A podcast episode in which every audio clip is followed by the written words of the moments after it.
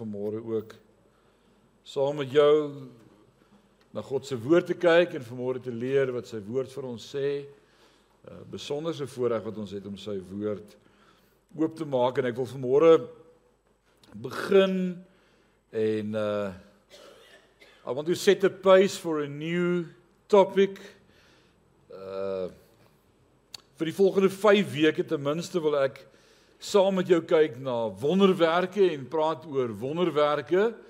Uh en ek wil vanmôre die vraag vra, doen God nog wonderwerke? Wat dink julle? Wie sê nee?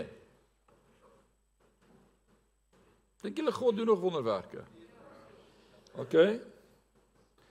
Ons gaan vanmôre praat in die eerste van hierdie reeks oor sekerlik die grootste wonderwerk nog. En ek wonder as ek vanmôre vrae sou vra aan die begin van hierdie reeks vir wat dink jy is die grootste wonderwerk wat sou jou antwoord wees vanmôre? Het jy al daaroor gedink? Wat wat dink jy is die grootste wonderwerk wat wat jy kan sien? Mariana? Dat Jesus vir ons aan die kruis gesterf het. Right. Wat wat Leslie dat hy opgestaan het. Dat hy opgestaan het. Jy jy ken die storie van die oom wat so begin Alzheimer kry het. Ken julle die storie? En toe gaan hy na hierdie kliniek toe vir so 2 weke en toe hy terugkom en hy's by die huis en hy en sy vriend sit op die stoep. Toe vra sy vriend vir hom en en het dit gewerk? Hy sê: "Jesus, fantasties." Hy sê: "Kan jy nou beter onthou?" Hy sê: "Alles." Hy sê wat was die plek se naam gewees waarheen jy gegaan het? Hy sê sê jy my eers een ding. Wat is daai blom wat so lekker ruik met die doring so aan sy stingel, daai? Hy sê roos, hy sê ja. Roos my vrou. wat was daai plek se naam waarheen ek gegaan het? so Leslie, daarvan is roos nou noem ek altyd rose. Wat dink jy is die grootste wonderwerk? Ek dink hierdie is dalk 'n 100 rand vraag. As ek daar by die by die hoërskool is by die tieners dan sit al hoe ek hulle aan die praat kry. Jy moet geld op die tafel sit. Dan neem hulle deel aan die gesprek. Uh wat dink jy nog Johan, wat sê jy? Dat God God is. Pieter, wat sê jy? Dit was 'n wonderwerk, die geboorte van Jesus uit die maagd Maria. Johan, wat sê jy?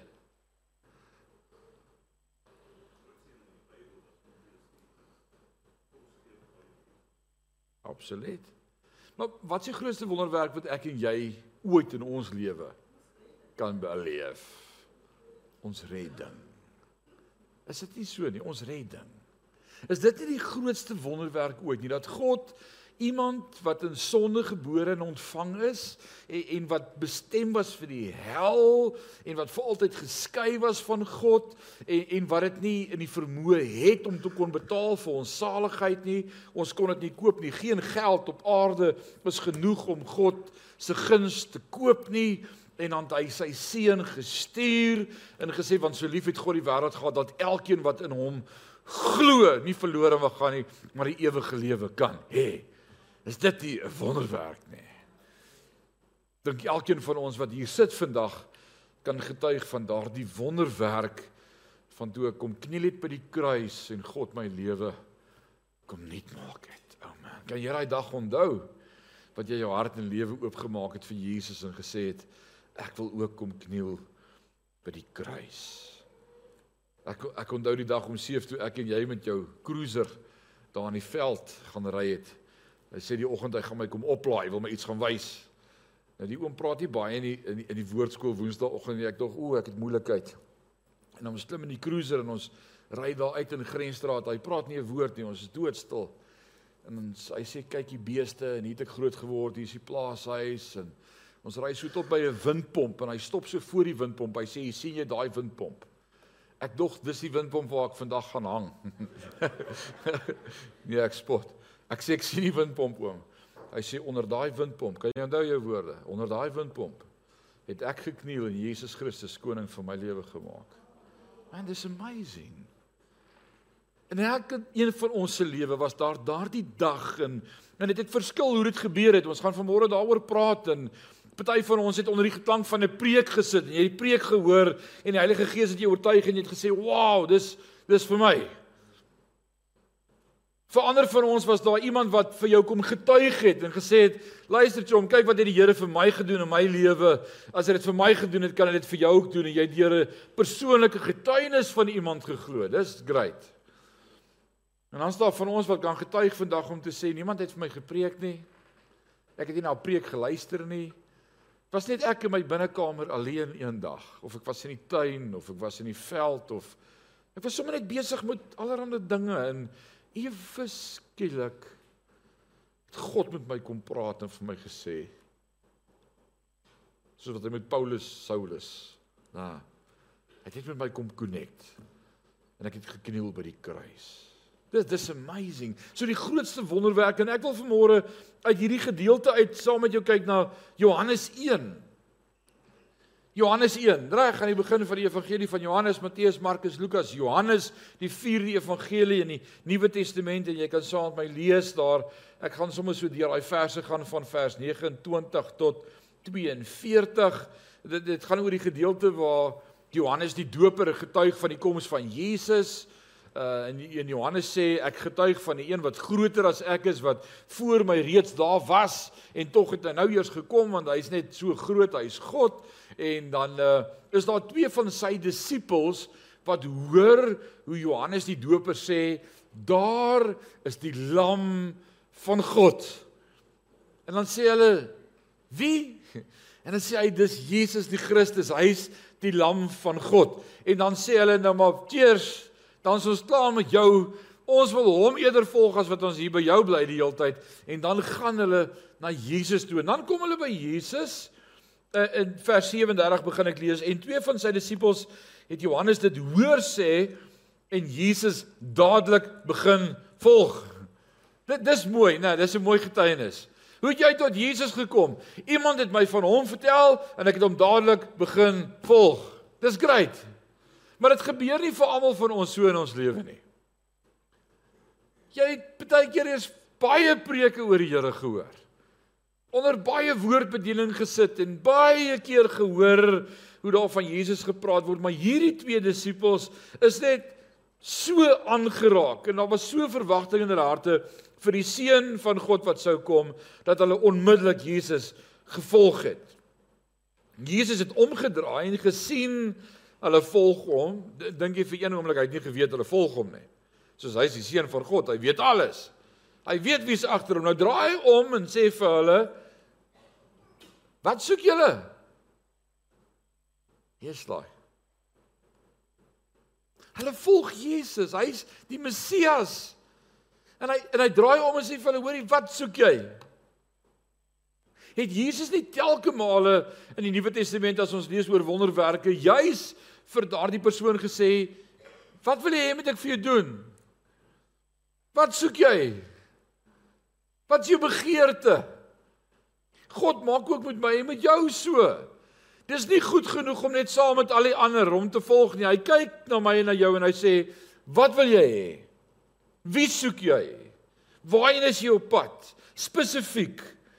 En hulle het hom geantwoord, "Rabbi, as dit vertaal word beteken dit leermeester en dan vra hulle vir hom waar gaan jy tuis? Waar's jou huis? Waar bly jy? Ons wil by jou wees. Waar bly jy? En hy antwoord hulle kom kyk self en julle sal sien. En hulle het toe gegaan en gesien waar hy tuis was en dit was omtrent 4 uur die middag Hulle het toe die res van daardie dag by hom gebly. Ek ek wonder wat alles gepraat is daai dag. Nou, Johannes sê vir ons is alles wat Jesus gedoen het en gesê het vir ons opgeteken moes wees in die boeke, sou dan nie genoeg boeke in die wêreld gewees het om al sy woorde vir ons te bou en te gee. Dis is dis net te veel. Ek ek wonder wat sê hulle. Maar hulle was die hele dag by hom gewees. Vers 40 Andreas Simon Petrus se broer was een van die twee disippels wat dit van Johannes gehoor en Jesus gevolg het. Hy kry toe sy eie broer Simon en sê vir hom: "Ons het die Messias gekry." O oh man, dis mooi. Hy hy hoor hoe Johannes sê daar's die lam van God. Hy sê teers ek wil hom graag volg. Ek wag al hoe lank vir hom? Ons leer van hom, die wet leer ons van hom, van die Messias wat sou kom. Ek gaan hom volg.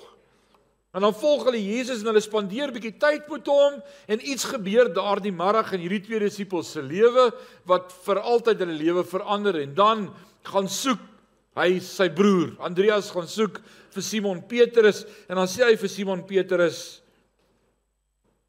ons het hom gekry.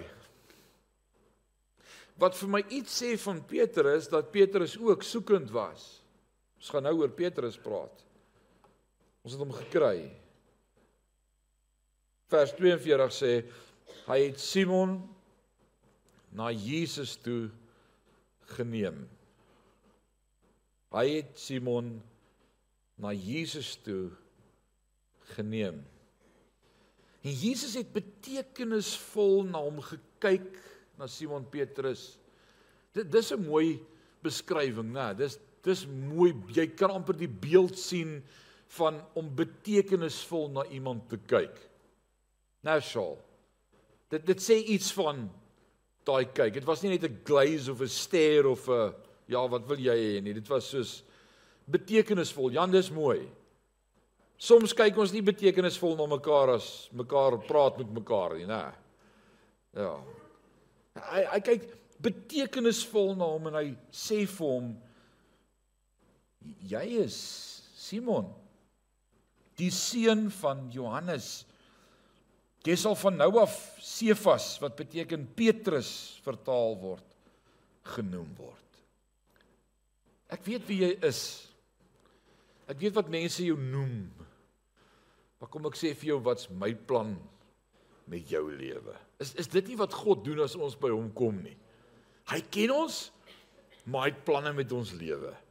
En ek wil vanmôre fokus saam met jou net op vers 42 op hierdie sewe woorde wat sê hy het Simon na Jesus toe geneem.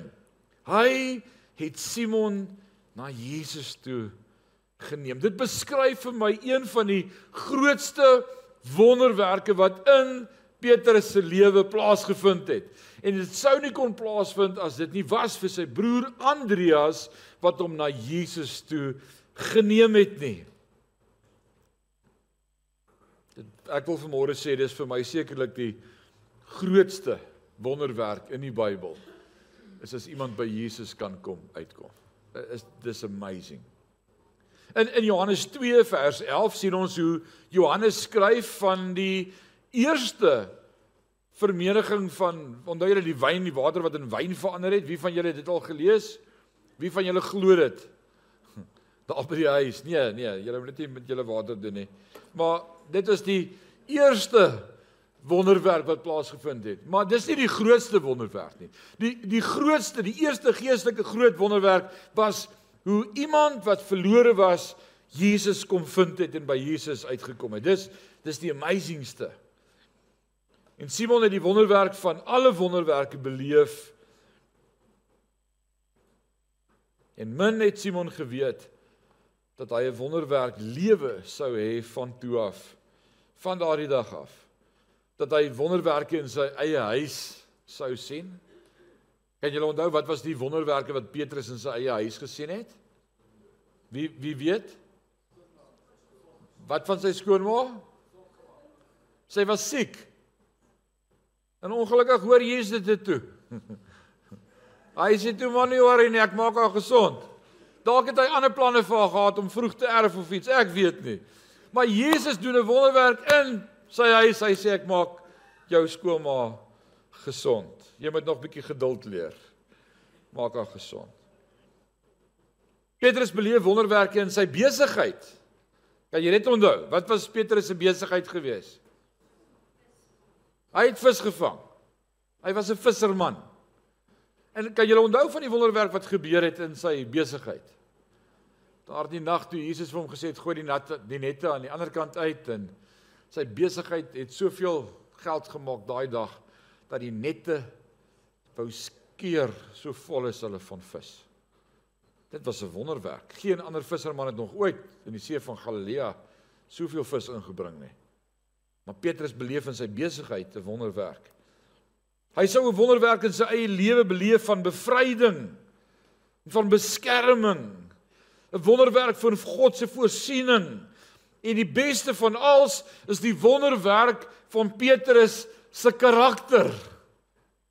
Hoe God gekom het en hom nuut gemaak het van wat hy was tot die werk wat God in hom begin het. Filippense 1:6 sê so mooi as Paulus skryf en hy sê hy wat die werk in ons begin het, sal dit volëindig. Dis 'n werk en is begin, maar God maak dit klaar. Dis amazing.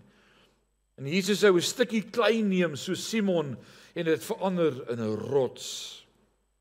Dit was die reuse wonderwerk. Simon Petrus se lewe sou ander mense se lewens ook aanraak en verander. Dis deel van die wonderwerk.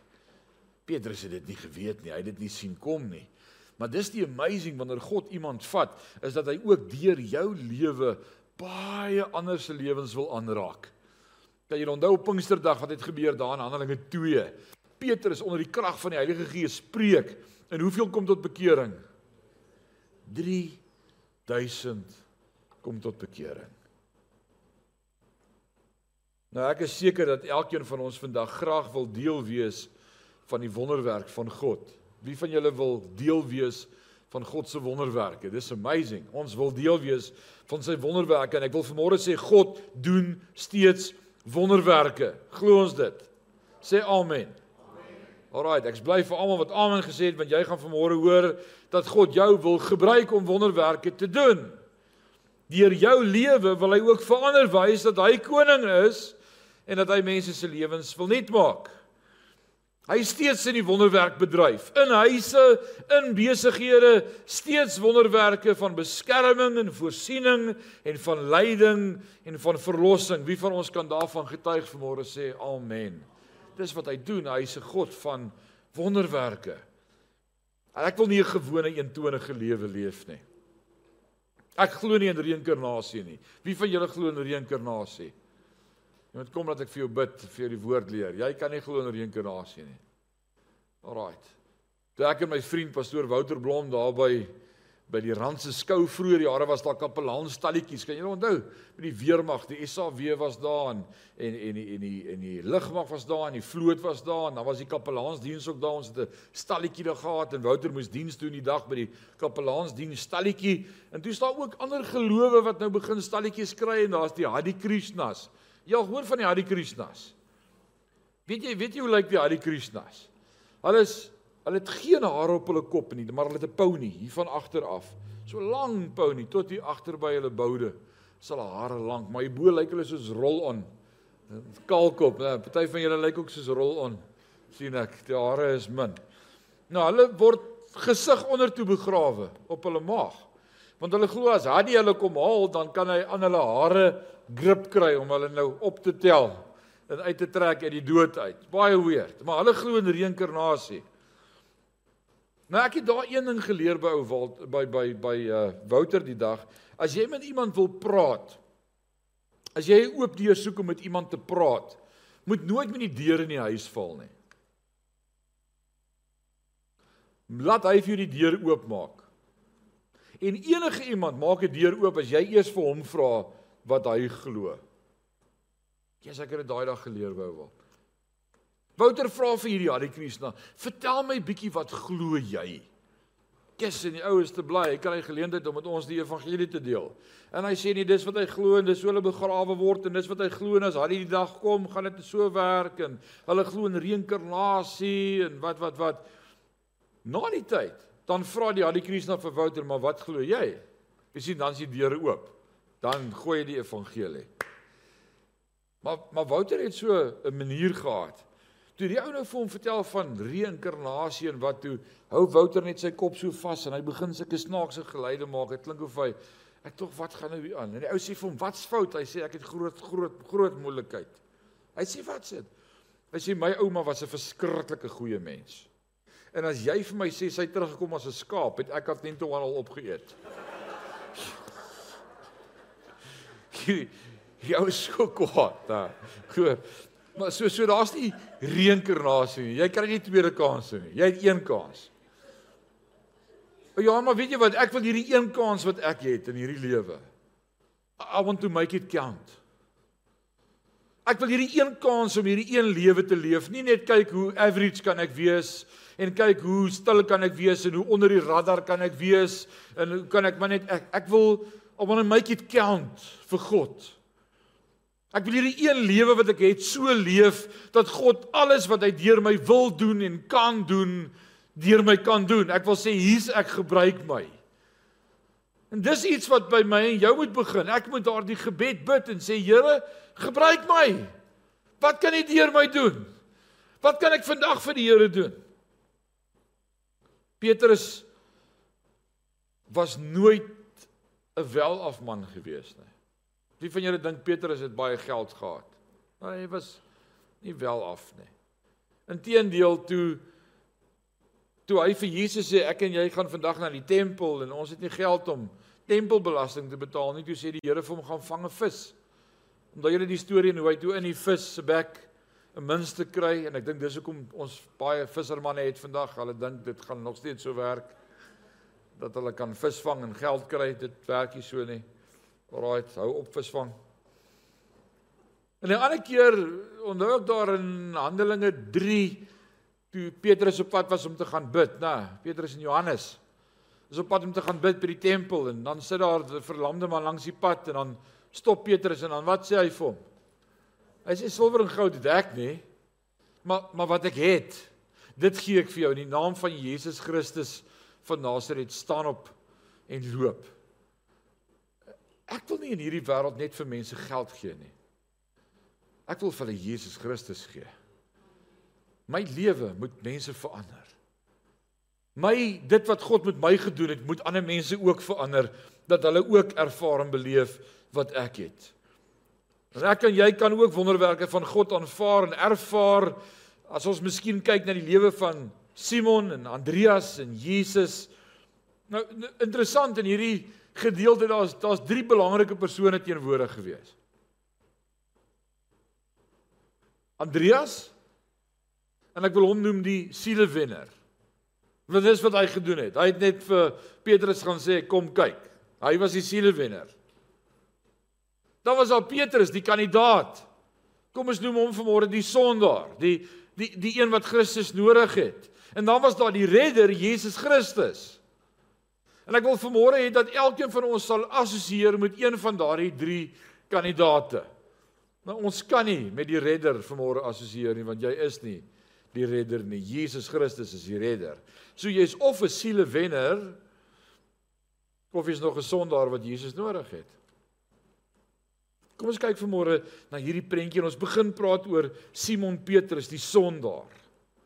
Nou baie het 'n valse idee van arme ou Petrus. Ons dink hy was 'n rowwe, robuuste, onafgeronde, onsensitiewe, harde, swart diamant wat gevloek het en 'n visserman was. Dis mos die idee wat ons van Petrus kry uit die Bybel uit. Maar as ons die Bybel so 'n bietjie begin lees en verder lees as net die evangelies, veral deur Handelinge blaai, dan merk ek 'n paar goed op en ek wil dit noem. Ek sien in Handelinge 10 Daardie gedeelte waar Petrus in 'n beswyming gegaan het of 'n visioen ontvang het of wat dit was, hy het uit die middag op sy dak gesit en en dan en dan sien hy hierdie gesig van 'n doek wat uit die hemel afsak. Onthou jy dit? En dan praat God met hom en dan maak God hierdie doek oop en wat sien hy in die doek? Wat se diere? Onrein diere. Die vark Daar was 'n vark in en is dis onrein en die Jode hulle raak nie aan 'n vark eers nie. Hulle like nie van varkvleis nie. En dan sê die Here vir hom hierdie verskriklike woorde. Wat sê hy vir hom? Slag en eet. Wat? Slag en eet. En dan sê hy iets interessants. Hy sê: "Here, ek het in my lewe nog nooit onrein diere geëet nie." Wat wat vir my sê? Hy het die wet probeer hou. Hy was 'n Jood. Hy het die wet probeer volbring. Hy het gelewe volgens die wet. Anders het hy gesê ja, nee, ek het al so skelm 'n paar keer 'n bietjie bacon geëet. Maar nee, hy sê ek het hierdie goed nog nooit in my lewe geëet nie. En God sê vir hom slag en eet, want wat ek heilig is heilig. So julle kan maar bacon eet, hoor? God het dit self gedoen. So hy was 'n 'n Jood wat die wet gehou het. Hy was kosher in sy huis. Hy het die wet onderhou. So moenie die idee kry Simon Petrus was rof en onbeskof geweest nie. Hy was 'n Jood wat die Messias verwag het. Want toe Andreas by hom kom en sê die Messias, toe sê hy laat ons gaan. Ek wil sien waar's die Messias. Daar was 'n verwagting geweest. Maar hy het geweet dat ek en jy nie die wet kan onderhou nie en die wet ons nie kan red nie. Want in jou in in in Handelinge 15 lees ek hoe hy deel was van die van die groep van die leierskap wat 'n besluit moes maak oor oor Christene wat tot bekering kom en dan was daar die voorstel gewees dat ons hierdie klomp Christene eers besny sodat hulle deel word van die Joodse geloof en so Joodse Christene kan wees en dan sê Petrus hy moenie hierdie nonsens en hierdie las van die wet op hulle lê nie want ons kan nie eers daai las dra nie. Dis onmoontlik. Moenie 'n las op hulle lê nie. Laat hulle net wedergebore heidene wees wat God se kinders is. Moenie van hulle Jode maak nie. Dis mooi. So Petrus het dit verstaan in Galasiërs 3 vers 24 sê vir my die wet is net die tugmeester na Jesus. So die wet het reeds in Petrus se lewe sy werk gedoen. En dan Andreas wat doen Andreas? Al wat Andreas doen is hy kom roep hom. Dis vir my mooi. Nou nou oral waar ons lees van Andreas in die Bybel, sien, sien ek 'n paar goed en ek sien 'n paar goed nie. Kom ek noem dit vinnig vir jou. In die eerste plek, nêrens word Andreas se naam eers eerste genoem by die disippels nie. Dis gewoonlik Petrus en Andreas en dis soos hy was net deel van die groep. Hy's nie die belangrike een nie. Hy's nie die prominente een nie. Hy's nie die hoofseun nie. Hy's net deel van die crowd. Andreas. Ek lees nooit een van sy preke in die Bybel nie. Marius kyk ek verkeerd. Ek sien nie 'n preek van Andreas nie. Ek sien niks wat Andreas geskryf het nie. Ek sien nie van sy woorde van wysheid soos deur die pen van Andreas nie. Ek ek lees van Petrus se preke. Inteendeel daar's twee effens lywige preke van Petrus vir ons in die Bybel opgeneem. Ek weet niks wat aan Peter uh, aan Andreas se huis gebeur het nie. Ek ek weet nie van Andreas as mens wat in sy lewe gebeur het nie. Maar alwaar ek Andreas raak lees in die Bybel, is elke keer as ek van Andreas lees, is hy is hy besig om iemand na Jesus te bring. Dit dis dis amazing. Hier bring hy sy broer na Jesus. Andreas vat sy broer en sê jy beter by Jesus uitkom. Hy is die een wat jou lewe kan nuut maak. Ek sien ek sien in in in Johannes de Matteus 14 sien ek die gelykenis van die die wonderwerk van die van die vermeerdering van die brood en die vis en daar was 'n groot menigte gewees. Matteus 14 vanaf vers 14 sê en Jesus het die groot skare gesien en hulle innig jammer gekry. Uh, yet empathy on them sê die Engels, né? En dan het hy vir hulle gesê sit en dan sê hy vir sy disippels kom ons gee vir hulle kos en dan sê hulle maar waar moet ons nou kos kry hier? Die winkels is al toe en is so ver van hier af. En dan sê Andreas Kom jong man. Jesus, hierdie hierdie ouetjie het, het vis en brood. Andreas was die ou wat hom na Jesus toe bring. Ek sien op 'n ander plek waar die waar die heidene met Jesus wou praat. En hulle kom na die disippels toe en sê, "Kan ons met julle Messias praat, 'n paar woorde gesprek voer?" En, en die disippels sê, "Nee, nee, ons weet nie of julle is heidene. Ons weet nie julle kan met Jesus praat nie." En Andreas sê, "Hey, stap saam met my. Kom. Ek weet wat kan hy doen." Hy maak bewensnuut. Hy sê nie nee nie. En Andreas vat die heidene na Jesus toe. Andreas word geken deur die Bybel as iemand wat mense na Jesus toe gevat het. En dis mooi. Dis al wat ek weet van hom. Ek wil vanmôre sê die belangrikste wat daar is om te weet van iemand is dat jy iemand is wat mense vat na Jesus toe. Ek wil jou daai vraag vra vanmôre. Het jy al iemand na Jesus gevat? Het jy het jy al iemand gebring na Jesus? Dis om skatte bymekaar te maak in die hemel. Jesus sê maak vir julle skatte bymekaar in die hemel waar mot en roes dit nie kan bykom en die diewe dit kan steel nie en dit nie kan roes of breek nie, want waar jou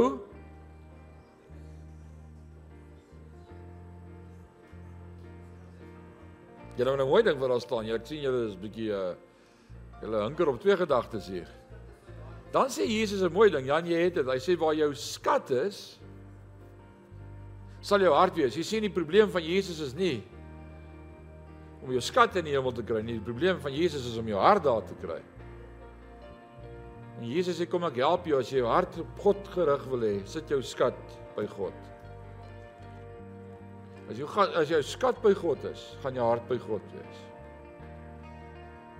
Ja, dis amazing. Sit jou skat by God. Het jy al ouens vertel van Jesus Christus? Wat was die boodskap waarmee Andreas Petrus na Jesus gebring het. Hier's die eenvoudige boodskap want jy kan vanmôre vir my sê ek het nie die EE3 onder die knie nie. Ek het nie die altaars werkers kursus gedoen nie. Ek het nie 'n siele wenners kursus voltooi nie. Ek was nie by Judea Harvest nie. Ek was nie by uh YWAM nie. Ek was nie ek sien toegerus met 'n sertifikaat teen my muur soos ander ouens om om vir die wêreld te vertel van Jesus nie. Ek ken nie die Bybel nie ek jy wil soos Moses sê ek ha ha ha hakkel. Ek, ek ek ek wil nie met mense praat oor die Here nie. Ek weet nie wat om te sê nie. Wel, hier's die boodskap wat Andreas gaan sê het. Hy het eers sy eie broer Simon, hy kom by sy broer en hy sê vir hom, hier is die woorde. Ons het die Messias gekry. Ons het die Messias gekry. Die belangrikste woorde wat jy ooit met iemand kan deel is om hom te sê Jan ek het Jesus ontdek. Ek het hom. Maar hier's die gevaar en die groot verantwoordelikheid. Ek kan nie vir jou sê ek het Jesus gekry en my lewe wys dit nie.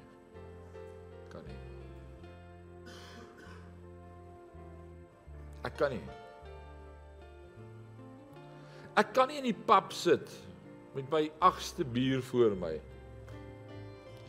Jy, jy stort. 12 uur in die nag en vir die ou langs my wil vertel van Jesus? Nee. Se klug.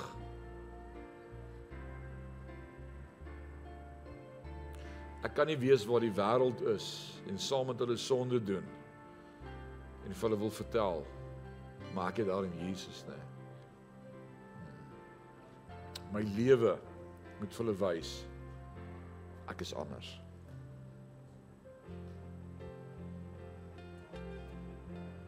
Dis amazing. Is dit moeilik? Nee. Maar daar's 'n verantwoordelikheid. Ek moet my getuienis uitleef. Van al wat ek hoef te doen, is om toe te laat dat God my verander. Dis dis soos dis al. Dis eintlik so maklik. Kyk wat het hy vir my gedoen. Die blinde man, hulle vra vir hom 'n klomp teologiese vrae. Wie het jou gesond gemaak? Hoe dit gebeur? Wat het hy presies gesê?